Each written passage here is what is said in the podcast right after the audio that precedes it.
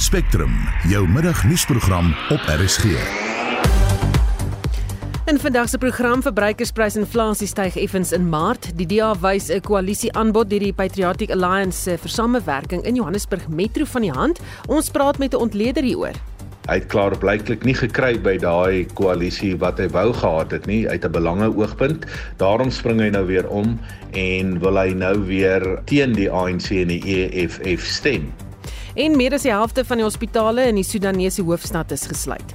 Die span vandag is redakteur Nicoline de Wee, produksieregisseur Johan Pieterse en ek is Susan Paxton. Welkom by Spectrum.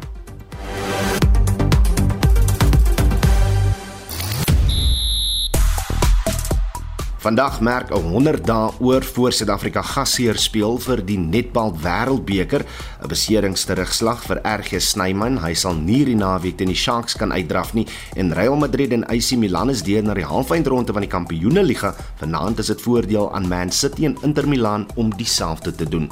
'n Volledige bulletin volg net na 12:30. Nisvas is 'n baie gewilde onderwerp op sosiale media platforms. Die spesiale ondersoekeenheid het in 'n voorlopige ondersoek bevind dat die finansiële hulpskema vir studente meer as 5 miljard rand aan studente toegeken het wat nie daarvoor kwalifiseer nie. Die studente gons behoorlik daaroor.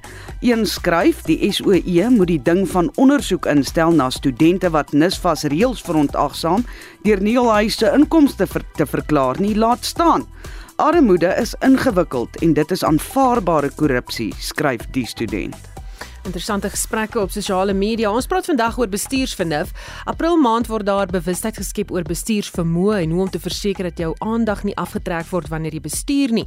Statistiek toon egter dat 8 uit 10 ongelukke gemaak word as gevolg van menslike foute en navorsing. Dit toon ook verder dit is gewoonlik omdat mense besig is met ander dinge in die voertuig eerder as om op die pad te fokus. Dis veral selfoongebruik terwyl jy bestuur wat tot ongelukke lei. Die Virginia Tech Transportation Institute het 'n studie in die VSA gedoen en dit sê dat as jy 'n telefoonnommer intik op jou foon terwyl jy bestuur, jou kans om 'n botsing of in 'n botsing betrokke te wees 6 keer meer word. Nou ons wil by jou weet wat's jou ervaring op die pad. Kom jy agter mense bestuur met die selfoon in die hand en dit ontwrig hulle konsentrasie of sien jy dit glad nie? Watter ander padprobleme bespeer jy as jy op die pad is? Deel vir ons 'n staaltjie of twee as jy dalk lou op die lang pad was met die Paasnaweek en vertel vir ons van jou ervaring. Stuur 'n SMS na 45889. SMS se kos R1.50 of praat saam op die Monitor en Spectrum Facebookblad. Statistiek Suid-Afrika het pas die jongste verbruikersprysinflasiesyfers bekend gemaak. Ons praat nou met 'n senior ekonom by die Buro vir Ekonomiese Ondersoek, Lisette Eichel de Schepper. Goeiemôre Lisette. Haai, goeiemôre. Hoe het hierdie indeks vertoon? Ongelukkig het inflasie weer toegeneem. Die verwagting was dat inflasie effens kan afneem of ten minste dieselfde bly, maar die inflasiekoers in Maart het vir tweede agtereen volgende maand gestyg en dit was 7.1% in Maart. En sê vir my, is dit hoor, weet is dit hoor as wat jy verwag het, baie hoor? Dit is nie noodwendig baie hoër nie, maar dit beweeg natuurlik in die regte in die verkeerde rigting. Ons sal graag 'n verlangsaming wou gesien het. En ek dink as ons kyk na die onderliggende data, is een ding wat aanhou verras is kosprysinflasie. Dit bly baie hoog en dit het weer opgeskiet in Maart en dit was nou 14%. En dit is die hoogste kosprysinflasie wat ons gesien het sedert Maart 2009. So enige sektore wat vir jou uitstaan? Maar binne die kospryse is dit byvoorbeeld brood en graanprodukte wat meer as 20% duurder was in Maart, maar groente was ook meer as 20% duurder. Ehm um, een ding wat begin help aan die inflasiekant is brandstofinflasie. Dit beteken nie dat brandstofpryse afneem nie, ongelukkig, maar dit beteken wel dat die spoed waarmee dit hulle toeneem stadiger word. So die bydrae wat vervoerinflasie ehm um, tot hoofinflasie gee, word al en al minder. Mm. En sê dit vir jou dat verbruikers al swaarder trek of dalk al armer word?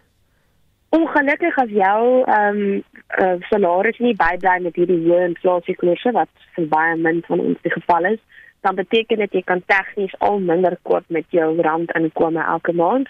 Uh, as ons kyk na die inflasie vir verskillende inkomste groepe, is dit ongelukkig ook juist die in lae inkomste groepe wat 'n hoër inflasiekoers ervaar. En dit is omdat 'n groot deel van hulle begroting na iets soos kospryse gaan wat in 'n baie vinniger spoed toeneem. En sê vir my wat beteken hierdie vir rentekoerse? Ekskuus, het weggeval daar. Ehm um, wat beteken hierdie vir rentekoerse? Ons verwag nog 'n toename van 25 basispunte in Mei of hierdie syfer ehm um, nou gaan lei tot 'n nog 'n 50 punt basis toename dink ek nie. Ehm uh, maar na dit kan uh, rentekoerse redelik stabiel bly op die vlak en miskien volgende jaar begin ons afname sien in rentekoerse. Baie dankie. Dit was 'n senior ekonom by die Buro vir Ekonomiese Onderzoek, Lisette Eichel de Schepper.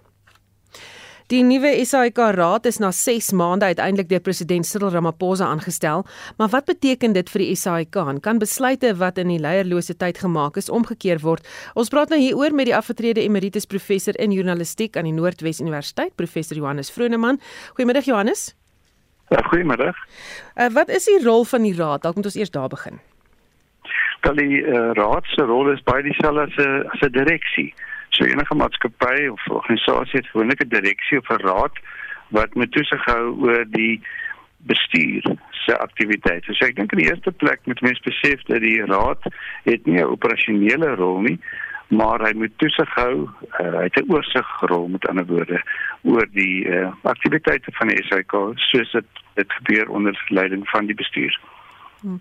Hoe belangrik is dit dat hierdie raadslede kennis het van journalistiek en etiek? Ja, wel, dis natuurlik dit is eintlik van so sprekend. Ek kyk so deur die lys van name. Ek, ken nou niemand se naam eintlik nie, maar dit sê ek nog nie veel nie.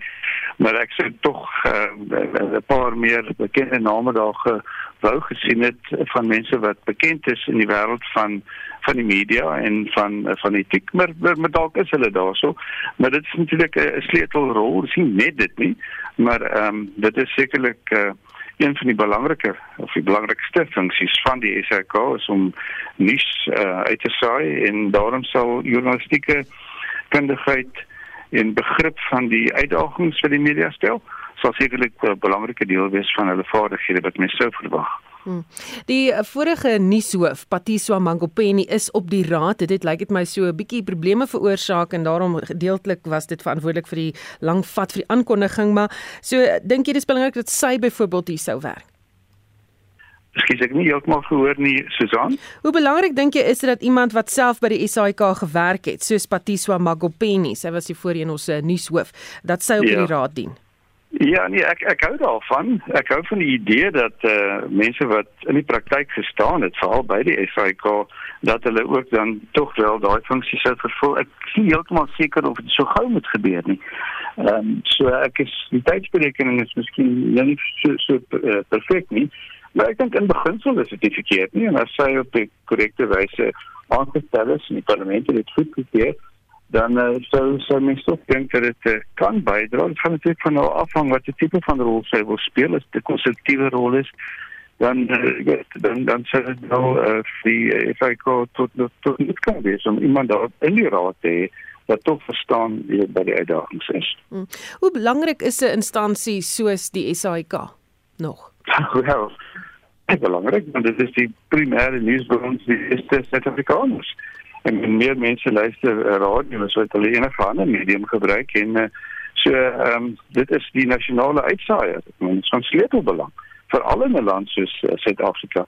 So die korrekte uh, funksionering van die raad en dat daar 'n raad is, is natuurlik baie belangrik en mense ook kom vra om die mense die SA kan nou afgaan vir 6 maande sodat hy 'n raad gehad het. Dit dan nou 'n uh, indikasie dat mense nie 'n raad nodig het nie nee beslis nie want ek dink daar's dinge soos langtermyn strategiese beplanning sekere um, finansiële besluite wat uh, die die die raad moet neem en wat die um, bestuur nie uh, by magte is om te neem nie. Dis die gedagte dat die wet bepaal baie duidelik wat die raad mag doen en wat hy moet doen en dat daar baie duidelike skeiding is tussen wat die raad doen uh, en wat bestuur doen. En dit moet ook nie inmeng met mekaar nie. Dit is baie belangrik die minister vir die um, operasionele sake van die SAIK hou. So uh, en die die raad moet daarin ook 'n rol speel. Hy moet eintlik ook die bestuur en die, die mense wat werk by die SAIK beskerm. Met uh, met uh, sorg vir hulle en sorg dat hulle kan aangaan met hulle werk. So daar's 'n uh, hele take wat uh, wat die raad moet vervul wat die bestuur self nie kan nie ook die onafhanklikheid van die SAIK in terme van politieke kwessies en so aan jy weet dit is baie belangrik dat die dat die raad uh, volhou met met wat ek dink die afgelope klompie jare goed gedoen is deur die SAIK. Dit is naamlik om onafhanklik te wees om te berig oor alle politieke partye en nie net voorkeur te gee aan die aan die regerende party nie. So daar's hele klompie dinge wat die um, by die raad kan en moet doen en as hy korrek funksioneer, uh, kan dit die SAIK help om om rustig voort te gaan en ook dan natuurlik uh, sy finansiële posisie te verbeter. Ek dink dis miskien waar die SAIK raad baie belangrike rol gaan moet speel in die volgende jare wat hoe gaan ons 'n nuwe model kry, befondsingsmodel wat aanvaarbaar is vir die regering en eintlik die parlement sodat die SAIK moet uh, kan ophou om net altyd te met bedel vir geld terwyl hy eintlik geregtig is op 'n ordentlike befondsing. Baie dankie. Dit was die afgetrede emeritus professor in journalistiek aan die Noordwes Universiteit professor Johannes Vroneman. Eskom mag nie enige lenings aangaan in die volgende 3 jaar nie en mag ook nie net sy skuld delg uit fond, of hy mag net sy skuld delg uit fondse wat hy in van sy bedrywighede uh weet al hy fondse wat hy daar ontvang. Dis van die voorwaardes wat Tesorie gestel het voordat hy Eskom se skuld oorgeneem het. Ons praat nou met 'n besoekende professor aan die Wits Universiteit se Sakeskool Janie Resou. Goeiemiddag Janie. Middag Susanna, goeiemiddag aan die luisteraars. Is daar van daardie voorwaardes wat uh, die tesourier gestel het wat vir jou uitstaan?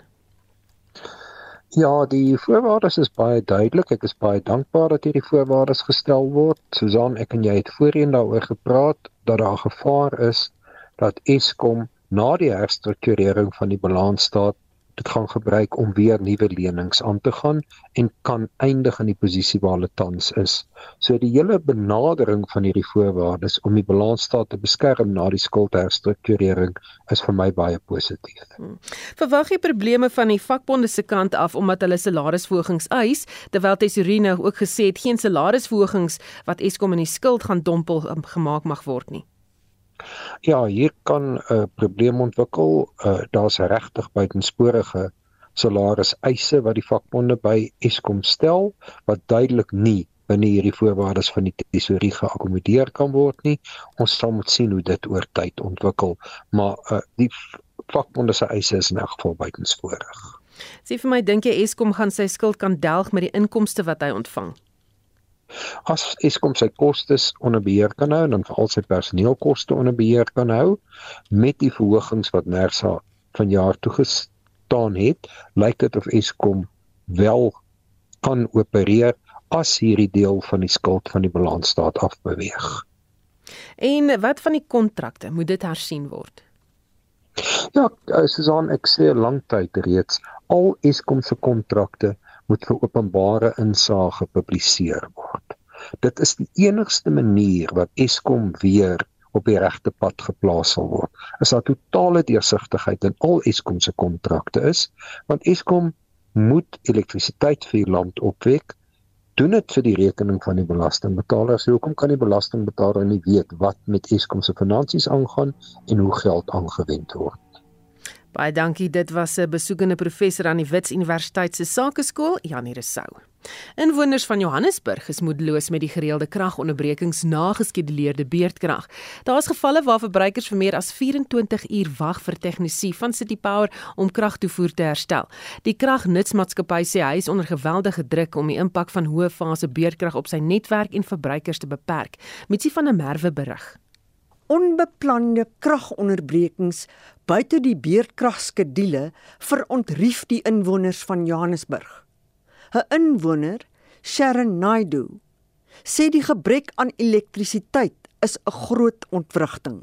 It's bad enough we have to manage our lives around the load shedding. We now have to keep our fingers crossed that the power is actually restored as per the published schedule. Being without power for long periods of time not only affects our livelihood as we cannot complete our day to day activities, it also poses a high risk when it comes to our safety and security. 'n Eienaar van 'n klein sake onderneming, Akil Janat, sê die onverwagse kragonderbrekings lê sy besigheid lam. Trying to work around the hours of the load shedding that we are provided with, but now with the extra additional outages, it's just making business really difficult as most of our livelihood depend on the equipment in order to create a service and get paid for it. And it's not only affecting myself, but the workers within my establishment. I have to put them on short time, I have to cut wages just to make ends meet and to keep the business afloat, which is becoming really difficult because we don't know how much longer the business can survive on these kind of uh, outages and disturbances during working hours. Die woordvoerder van Citypower, Isaac Mangena, sê die onbeplande kragonderbrekings is as gevolg van beerdkrag wat volgens hom groot skade aan verouderde infrastruktuur rig. The main reason that is causing these trips is due to overloading of the circuits. When we simplify the tripping of the network, it basically means that there is an interruption in electricity supply, which occurs when the protective relay sense a fault, either from the overloading of the equipment or the equipment failure, cable fault, or any other factor. The circuit breaker then trips in order to basically isolate the faulty lines from the rest of the healthy sections. This happens in order to avoid serious damage to the power infrastructure infrastructure.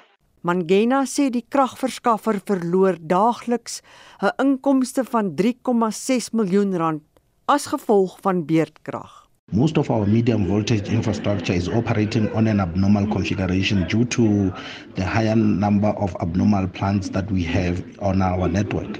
The normal situation is to have at least 50 or less plant out of service, but currently we have more than 500 plants that are out of service, which is attributable to the relentless load shedding episodes that we are currently experiencing. Isaac Mangena is City Power se woordvoerder. Session Naidu het hierdie verslag saamgestel. Mitsi van der Merwe, SAK nuus.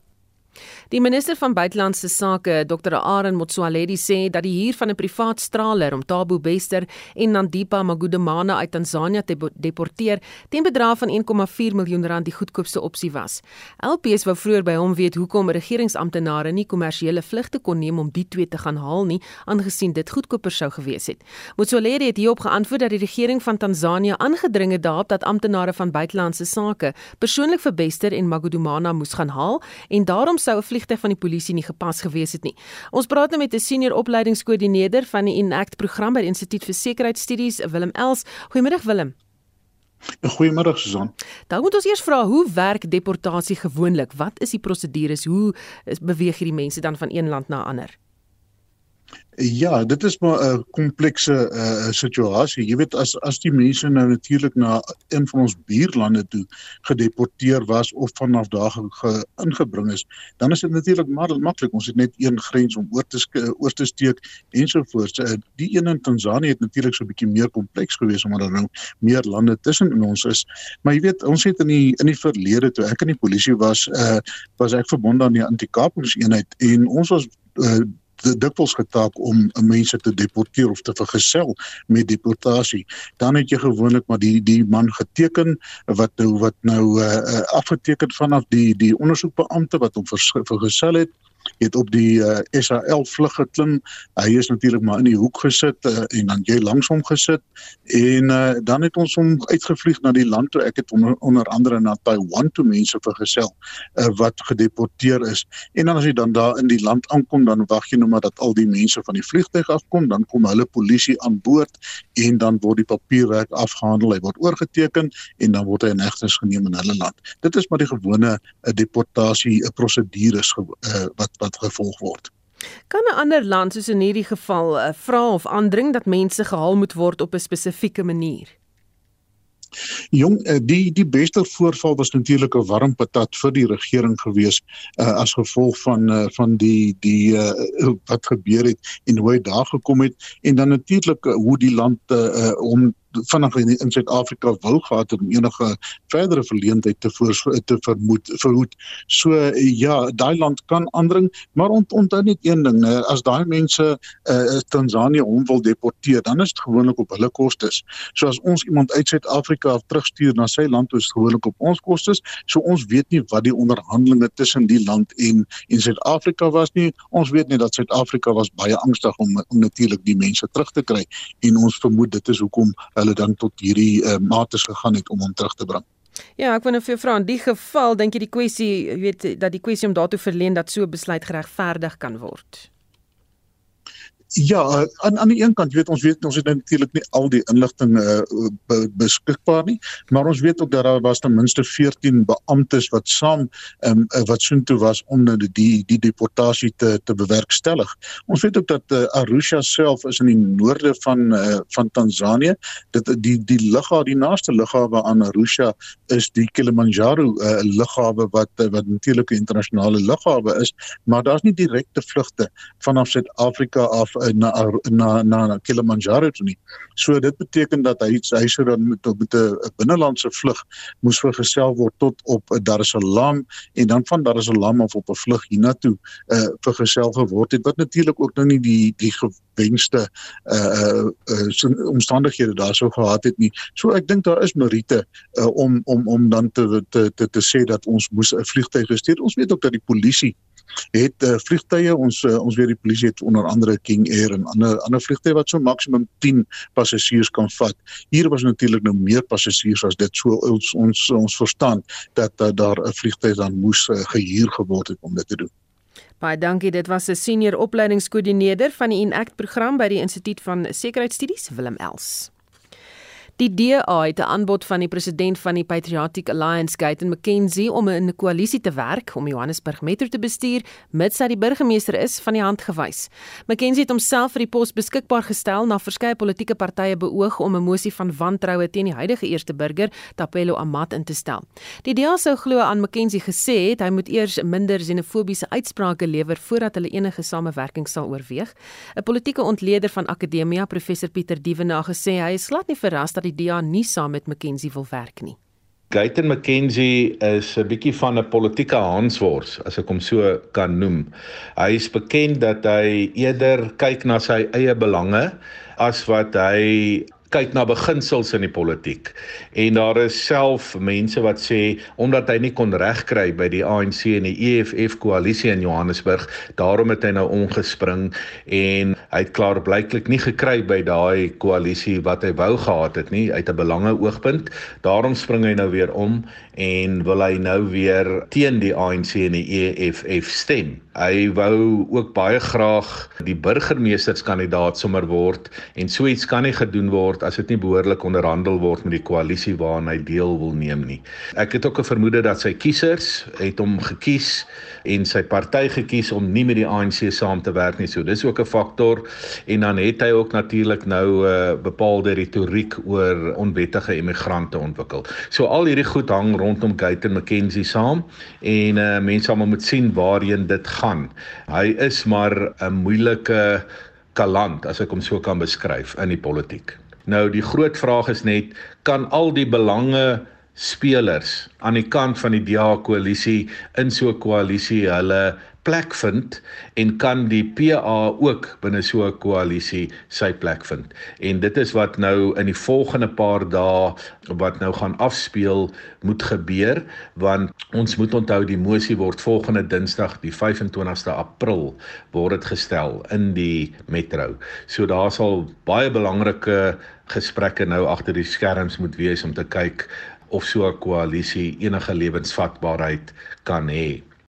En dit was 'n politieke ontleder van Akademia professor Pieter Dievenage. Jy luister na Spectrum op RSG. Dis 12:31 en uh, nog in die nuus ons praat net hierna oor die drama by die nasionale finansiële hulpskema of NSFAS en uh, is jy as motoris geneig om te vroetel terwyl jou oë op die pad moet wees vind uit wat is die gevolge hiervan bly ingeskakel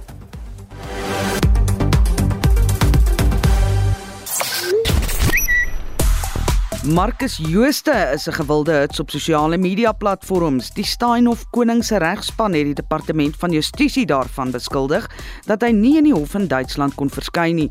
Die regering het die beweringe egter ontken. Intussen het die staatsanklaer in Duitsland wel aansoek gedoen vir 'n lasbrief vir Jooste se inhegtenisname, maar dit kan tot 2 weke neem vir die hof om die aansoek toe te staan. 'n Gebruiker vra intussen hoekom die nasionale vervolgingsgesag nie 'n voorbeeld van Jooste in ons eie land maak nie. Hoekom gebeur dinge in Duitsland so lekker vinnig? Hmm, ook 'n storie wat ons dophou. Intussen gesels ons oor en uh, ek gaan dink mense moet dit uh, so noem Michael Blank beskryf vir die mense as selfoonbestuurders.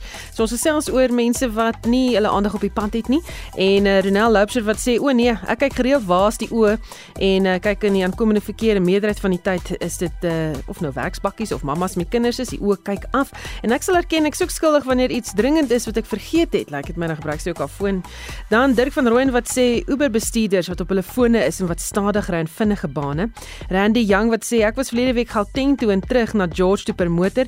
Die Frontiers, Everett's, BMW's 4x4's asook vragmotors wat onverskillig op die pad is. Hulle is die onverskilligste.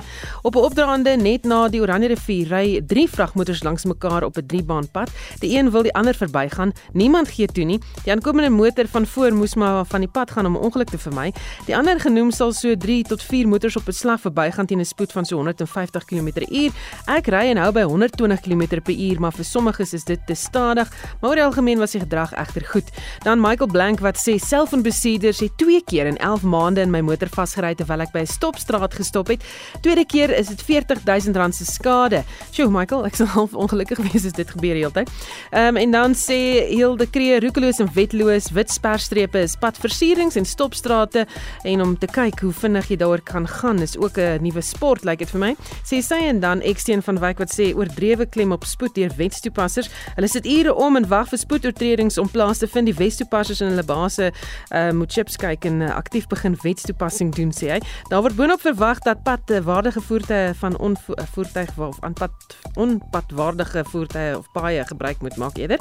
En uh, ja, so klomp mense wat saamgesels, jy kan steeds vir ons jou mening daar deel. Dit ehm um, dit vloei vinnig in. So laat weet maar vir ons wat dink jy van mense se padgedrag. Gesels saam op die SMS lyn of op ons Monitor en Spectrum Facebookblad.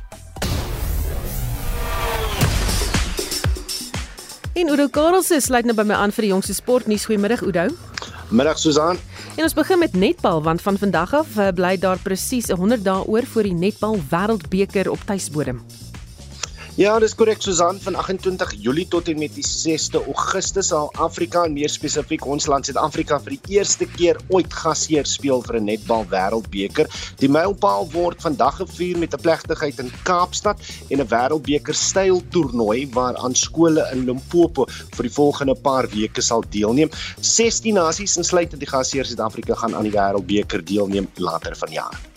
In die slot RG Snyman was nou net goed op dreef om aanspraak te maak vir die Springbok span se wêreldbeker seëge later vanjaar en nou is daar 'n groot terugslag.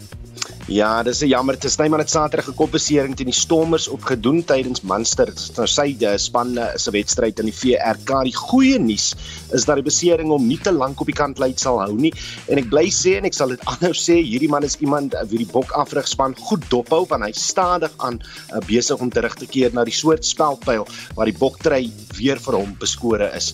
So gepraat van die boktry Kate Bolleter uh, wie se reputasie ook aan die klimme sal die res van die rugby seisoen moet misloop. Die Stormers Stormers en eh, Westelike provinsie loskakel het 'n ernstige kniebesering opgedoen wat die oute Paul Roos wonderkind vir die volgende 9 maande op die kantlyn sal hou. In ander rugby nuus, die eh, vroue wêreld sewees uitdag reeks begin môre op Stellenbosch. Die groep van 13 eh, SA spelers bevat 12 spelers wat internasionale sewees ervaring het en 9 het al vir Suid-Afrika in 15 se 15 kode uitgedraf. Zintle Mapupa en uh, Matrin Simmers is mede-kapteins van uh, die span in die toernooi wat uh, bekende name soos Nadine Roos, Eloise Webb en ook nou Libby Jansen van Rensburg insluit. Suid-Afrika is in groep B saam met die Tsjechiese Republiek, Madagaskar en Mexiko geplaas. En Real Madrid en AC Milan is deur na die halfeindronde van die Kampioenligga en dan vanaand Man City en Inter Milan. Ja, absoluut. Vanaand speel Man City teen Bayern Munich uh, waar die eerste beentelling 3-0 was teen gunste van die Engelse span terwyl Inter Milan 2-0 voorloop teen Benfica van Portugal. Dis nou na hulle eerste been. Beide wedstryde skop 9 uur vanaand af. In die DStv uh, Premier Liga het uh, Marumo Gallants en uh, SuperSport United doelloos gelyk op gespeel gisterand. United is nou tweede op 44 punte, maar Orlando Pirates in, in derde. Hulle het nog 'n wedstryd minder gespeel. Net vinnig in atletiek nuus verskeie skuif die kontinentale uitdaag toer vanaand omstreeks 6 uur na Germiston se stadion toe. Ingang slegs R60 en die uitdinne vir vanaand se reeks begin 3 uur vanmiddag. In die IPL kom Rajasthan Royals 4 uur vanmiddag teen die Lucknow Super Giants te staan en die span is dit natuurlik tans heel bo aan die punte leer. En dan sluit ek net af met 'n bietjie cricketnuus van Australië. Sy spelersgroep bekend gemaak vir die stryd om die as en die wêreldtoetskampioenskap. Die kolwers Matt Renshaw, Marcus Harris en Mitchell uh, Mitchell Marsh is van die groot name wat aansluit by die huidige spelersgroep. Baie dankie, dit was Udo Karlse met die jongste sportnuus. Jy luister na Spectrum. Die spesiale ondersoekeenheid het bekend gemaak dat die nasionale finansiële hulpskema vir studente of NSFAS meer as 5 miljard rand aan studente toegeken het wat moontlik nie kwalifiseer vir studiehulp nie. Maar dit is dalk net die oortjies van die seekoei. Ons praat nou met Rudy Heineke van die organisasie teen belastingmisbruik wat self die NSFAS probleem ondersoek. Goeiemiddag Rudy. Goeiemôre Susan. Goed, op grond waarvan bepaal NSFAS dat 'n student kwalifiseer? Uh die kriteria wat tans bestaan is dat die huishoudings inkomste, gesamentlike inkomste minder as 350 000 rand per jaar wees. Uh dan kwalifiseer 'n uh, uh, uh, jy weet 'n student of 'n kind uit hierdie huishouding vir 'n beurs by NSFAS. En daar is duidelik skuiwergate waarvan een is studente wie se ouers wel hulle studiegeld kan bekostig of minstens die helfte daarvan, maar nou word 'n ouma in die platteland wat SASSA geld ontvang se adres en besonderhede verskaf. Hoe algemeen word hierdie slenter gebruik? Susan ek dink dat uh, jy weet dit is nie net hierdie tipe van slenter wat gebruik word nie, maar heelwat ander uh, baie opportunistiese metodes wat aangewend word uh, deur um, individue om uh, geld te ontvang van Nasfas wat nie vir hulle bedoel is nie.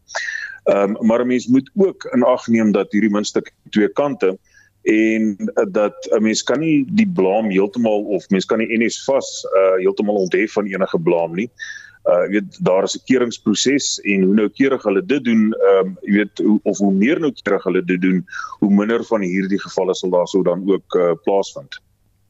Wat van Sibondile Mane wat 6 jaar tronkstraf opgelê is vir diefstal nadat sy 14 miljoen rand in plaas van 1400 rand ontvang het en toe nou die geld begin bestee het. Kan studente wat nou willens wetens slenters gebruik om geld te bekom nie ook van diefstal aangekla word nie? Ja, ehm um, weet die die die, die spesiale ondersoekeenheid se taak is natuurlik om ondersoek te doen en dan indien daar kriminaliteit ontdek word om dit oor te gee vir die vervolgingsgesag om daarmee verder te handel. So daar kan kriminele klagte gelê word teen persone wat uh, onregmatig hierdie gelde gebruik en dit dan ehm uh, jy weet nie terugbetaal nie. Daar studente wat dryp in NSFAS wat male sonder taal vir dieselfde kursus betaal ook onder die 5 miljard rand. Daar is uh, nie 'n duidelike uh, uiteensetting gegee van jy weet wie is, is presies hierdie studente aan wie hierdie, hierdie gelde betaal is nie. Ehm um, so mense sal moet sien uh, wat gebeur vorentoe met die ondersoek van die spesiale ondersoekeenheid. Uh, ek dink jy weet hierdie gaan in elk geval slegs die eerste van 'n reeks verklaringe wees wat hulle gaan uitbring met hulle ondersoeke by NSFAS. Hulle het 'n redelike wye proklamasie en wye magte om ondersoeke te doen daar. Ehm um, en uh, hier is nie jy weet nuwe nuus nie. Minister Nzimande het verlede jaar in Oktober alreeds uh jy het gesê by 'n nuuskonferensie dat hulle vermoed daar soveel as 35000 studente sogenaamde spookstudente is of studente wat geld ontvang wat hulle nie wat hulle nie toekom nie. So ehm um, wat nou hier moet gebeur is natuurlik as uh, die uh, spesiale ondersoekeenheid uh, die bewering maak van 44000 studente uh, is dit 'n hengse klompie sake wat ondersoek moet word weet om by die by die uh die die die die die probleem uit te kom om te sien moet hierdie studente terugbetaal? Was daar 'n administrasiefout geweest wat is die situasie? So ek dink daar's nog heelwat werk wat gedoen moet word uh voordat ons by 'n finale bepaling kan kom. Baie dankie dit was Rudy Heineke van die organisasie teen belastingmisbruik of Alta Navorsing toon dat 8 uit 10 ongelukke veroorsaak word deur menslike foute. Dis veral bestuurders wat op hulle fone besig is terwyl hulle bestuur wat ongelukke maak. Die kliënte-ervaringsbestuurder van King Price, Wynand van Vieren sê, die studie deur die Virginia Tech Transportation Institute in die VSA skokkend selfs oor hoeveel mense se aandag afgelei word van die pad deur hulle kinders in hulle motors. So daar is 'n groot probleem, jy weet, so ons weet die ongeluksyfer in ons land is baie hoog, daai ongeluksfrekwensie en daar is verskeie redes daarvoor. Kom ons hou nou eers die dronk bestuur en daai probleme daar uit. 'n Groot probleem met hierdie ongelukke wat plaasvind is as gevolg van die feit dat daar iets is wat jou aandag aftrek of dit dan nou kinders in die motor is, weet baie mense sien mense op die snelweg is besig om op pad werk toe nog gesig mooi te maak en ja, die gesiggie op te doen sommer hier in die spieeltjie. En dan is daar ook mense wat eet terwyl hulle ry, maar die grootste probleem is daai selfoon. Daar is twee verskeie studies gedoen wat uitgekom het dat die oomblik die die versnellingsmeters in die fone daai toestel wys die oomblik van inpak of daar aktiwiteit was op die foon of nie en albei het uitgekom dat op daai ongelukke is daar in die 40% van die ongelukke waarby mense op hulle fone besig was. So dit is 'n groot probleem wat ons het in die land en dit veroorsaak ongelukke. Hierdie maand is daar 'n groot beweging om bewustheid daarop te plaas, maar mense sou nou dink uit geskiedenis uit dat mense sou geleer het en gesê het goed, maar ons moet bestuur, ons moet fokus op die pad, dit is gevaarlik. Ja, ek weet baie mense dink hy's 'n beter bestuurder as wat hy eintlik is, of hy sê hoorie son jy goed, maar ek gaan nou die regte ding doen en dan voor jy jouself kan kry, kom daar weer daai boodskap deur op jou foon of daar is 'n e-pos wat jy hoor deurkom en dan wil jy net gou vinnig kyk. Wat mense nie besef nie is as jy nou vir 5 sekondes so afkyk op haar foon teen 100 km/h. Is dit so goed jy het geblinddoek gery vir 'n hele rugbyveld afstand op die pad wat jy jou oë van die pad afhaal. So mense besef nie teen daai spoed wat is die gevaar nie, dan beweeg jy oor in die aankomende verkeer of jy ry met twee wiele links van die pad af en verloor beheer en 'n ongeluk vind plaas. So 'n mens moet uit jou pad uit gaan. Jy stel jou eie lewe in gevaar, die van die passasiers in jou motor en ook van die ander padverbruikers. Jy het gesien het hoe uh, dit lyk as jy agter iemand ry wat op sy foon is nie. Dit lyk letterlik of dit 'n dronk bestuurder is voor jou. Dit is presies die ding en dit is 'n aanduiding. En weet jy ry bietjie op ons snelweë dan gaan mens nou bietjie uit jou pad en kyk. As jy verby die motoriste gaan hoeveel van hulle is besig met daai telefoon of met iets anders. Dis net 'n paar sekondes wat jy jou oë van die pad afhaal en jy's besig om jou eie lewe in gevaar te sit. Daar's nog 'n internasionale studie wat hulle gedoen het wat aandui dat dit is 23 keer is jou kans groter om in 'n ongeluk te beland as jy jou oë so van die pad afhaal Hoe beïnvloed so iets as jy so agterkom jy was besig met iets in die kar en nie jou aandag op die pad gehad nie, hoe sal dit so 'n uh, eis beïnvloed? Ja, so baie mense vra daai vraag. Jy weet, so nou is daar bewyse dat ek op my telefoon was wat onwettig was. So jy's nou besig om eers 'n nommer te skakel en nou het jy die telefoon hier op jou oor en dit is onwettig, is teen die wet en nou vind daar 'n ongeluk plaas, sal my versekeraar nog steeds uitbetaal. Ek het nog geen versekeraar gesien wat dit uitsluit nie. Menseversekering is daar om wel jou by te staan in in sulke oomblikke waar jy dan nou die verkeerde ding gedoen het en 'n fout gemaak het. En dit was kliënte ervaringsbestuurder van King Price, Wynand van Vieren. Die DA sê dit is omdat die wildtuin nie al sy veldwagtersposte vul nie dat die stropery probleem daar so buite beheer is. Die DA se skare minister van omgewingsake, Dave Bryan, het in die parlement 'n vraag gestel aan die minister van bosbou, visserye en omgewingsake oor die hoeveelheid vakante veldwagtersposte. 82 vakatures is nog nie gevul nie en daar's ook geen plan om dit te doen nie. Bryan sê dis onaanvaarbaar. So we asked last year directly to the minister via a parliamentary question, how many ranger posts, and these are the, the rangers that operate within the Kruger National Park, how many of those ranger posts were unfilled? And we got back a very startling response, which was that there were 87 of these ranger posts that were still vacant and unfilled. That was a year ago. That was March 2022. I then submitted a follow up question and received the answer last month. And uh, we found out that in a year, Sandparks has only managed to fill five of those 87 vacant ranger posts. Now, we know that in Kruger Park, one of the biggest challenges being faced is the issue of rhino poaching. And not only rhino poaching, but all of the criminal syndicates that operate around the rhino poaching networks. And we had a presentation yesterday from uh, Julian Rademeyer, who's put out a very fascinating report uh, called Landscapes of Fear, which details the criminal networks and the underworlds operating in Mpumalanga and how this encompasses rhino horn smuggling, cash in transit, heists, uh, connections to the coal mafia, etc.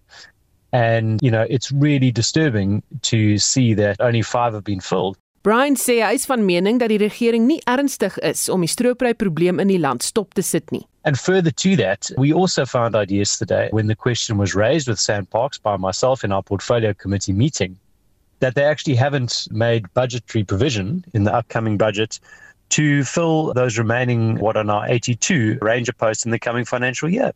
So, you know, we as the DA have been saying, how can we actually take national government seriously when they say they want to combat rhino poaching when they are unable to fill those outstanding vacant posts? Brian sê verder dat die departement die aanstelling van veldwagters en ander personeel behoort te prioritiseer. Well, the minister said to us in the meeting yesterday that when she took over Sandparks, it was in a real mess.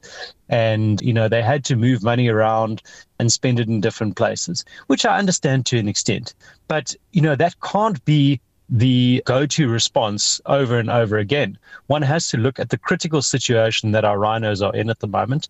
We are having a declining population in Kruger Park. The only places where rhinos are safe um, really are in the private reserves and then some of the smaller state reserves, which are easier to police. But uh, Kruger Park is in serious danger. And employing these additional rangers really is a, a win win situation for everybody. It provides employment for the local population, and it also helps to combat the criminal syndicates and protect the rhinos. So it really should be a priority spending area. If one looks at the amount of money that actually goes towards the budget for the Department of Forestry, Fisheries and the Environment in total, which Sandbox is a subsidiary of, it's less than a percent. And we really need to ensure that more money gets spent our natural environment.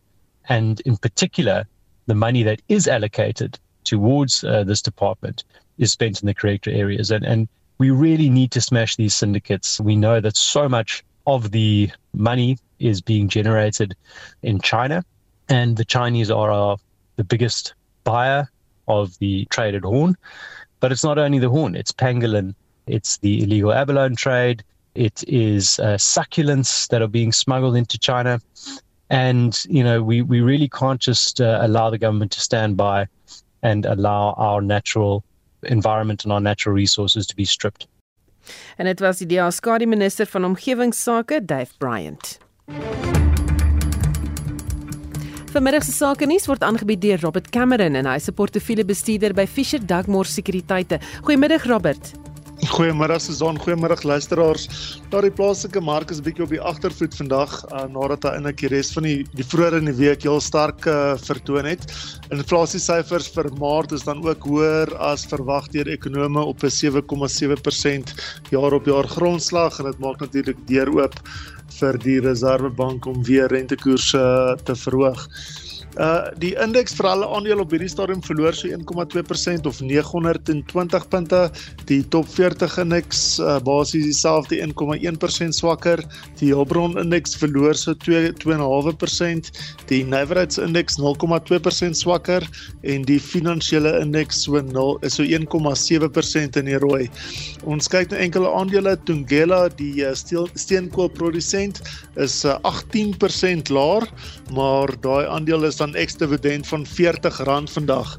Hy verhandel tans op so R167.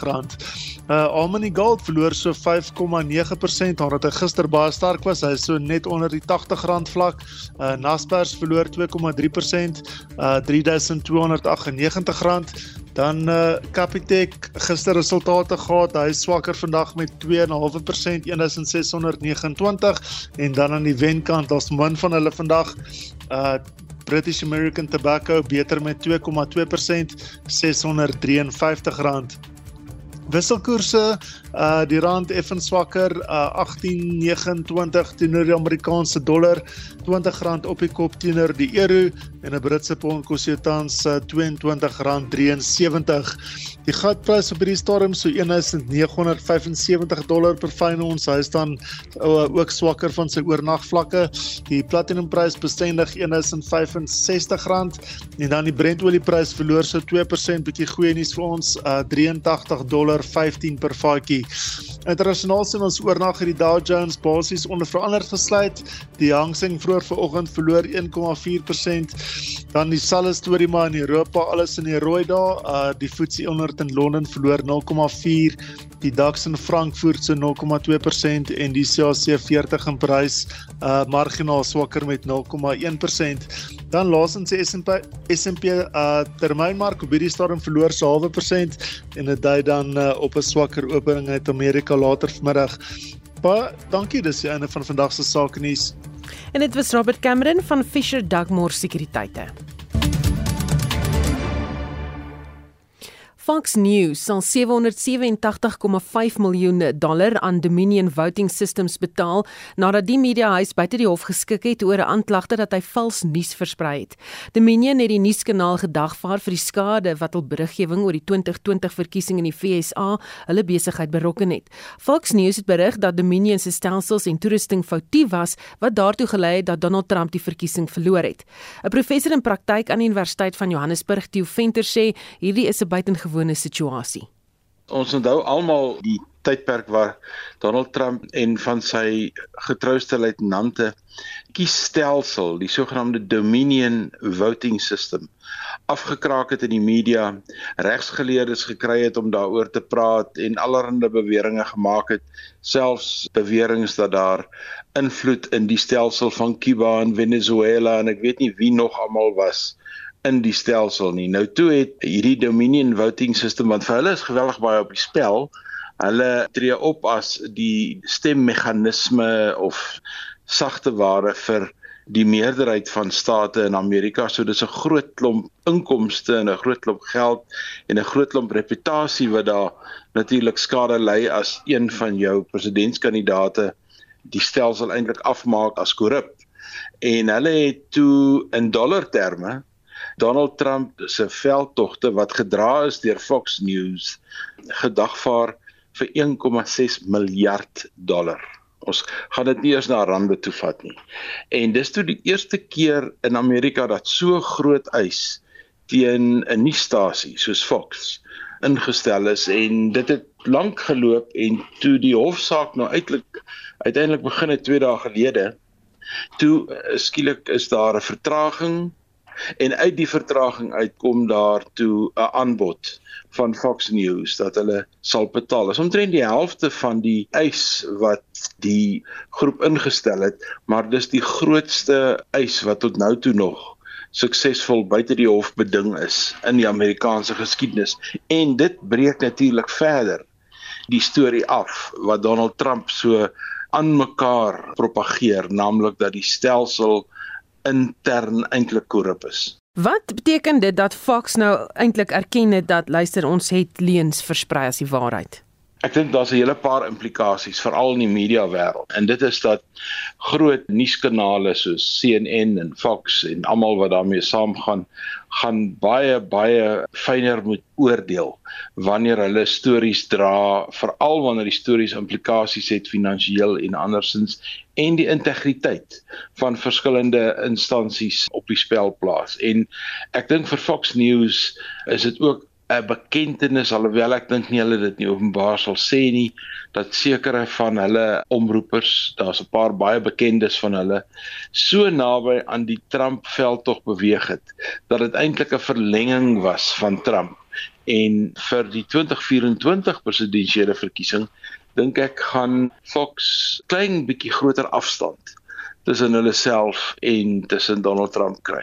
Dink jy mense in Amerika gaan nou nog beriggewing glo na al hierdie dinge? Maar dis een van die groot reputasieskades wat al hierdie nuuskanale opgebou het omdat hulle so duidelik suidig was vir 'n bepaalde groepering in die Amerikaanse samelewing. As jy CNN luister, dan weet mense jy's 'n demokraat. As jy Fox luister, dan weet die mense jy's 'n republikein, daai soort van goed. En ek dink dis nie vir enige een van die kanale so goed om so absoluut geassosieer te word met 'n sekere politieke party in die stelsel nie. En dit was 'n professor in praktyk aan die Universiteit van Johannesburg, Theo Venter. Nou ons gesels uh, oor mense se bestuursvernuf en ek sien op Facebook dat uh, Heila Magdalena Strydom sê het sopas geluister na die program hier oor ken SAS motoriste wat gremeer terwyl hulle bestuur op pad werk toe en op die selfoon boer tydens uh, uh, hulle bestuur daar. Dis onaanvaarbaar om so nalatig te wees en ander motoriste se lewens in gevaar te stel sê sy. Dan Adrian Channing Pierce wat die N2 monitor daar by Pongola, hy sê we know some truck drivers watch movies on their phones while driving. Other than that, there's a core of about 25% of motorists motorists of all vehicles refuse to obey the rules of the road and who seem to have the opinion that only they are allowed on the road. Nou ja, die gesprek steeds oop. Jy kan saamgesels as jy wil en uh, vir ons vertel wat uh, het jy al ervaar daar op die paai? Wat sien jy gebeur op die pad en hoe mense dalk bestuur? Dalk is daar 'n paar positiewe stories. Jy kan dit ook vertel. Deel met ons al daardie stories van jou. Ons skakel in verbrandpunt omstreeks kwart voor 6 vanaand en uh, ons het namens ons uitvoerende regisseur Nicoline de Wes. Sy's ook vandag se redakteur. Die produksieregisseur is Johan Pieterse. My naam is Susan Paxton. Bly geskakel vir 360.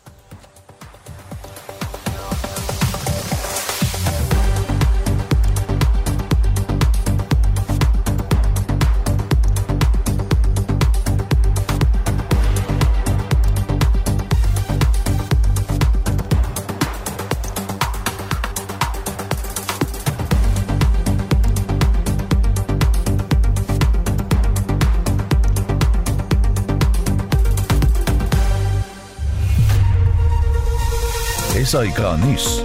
Onafhanklik, onpartydig.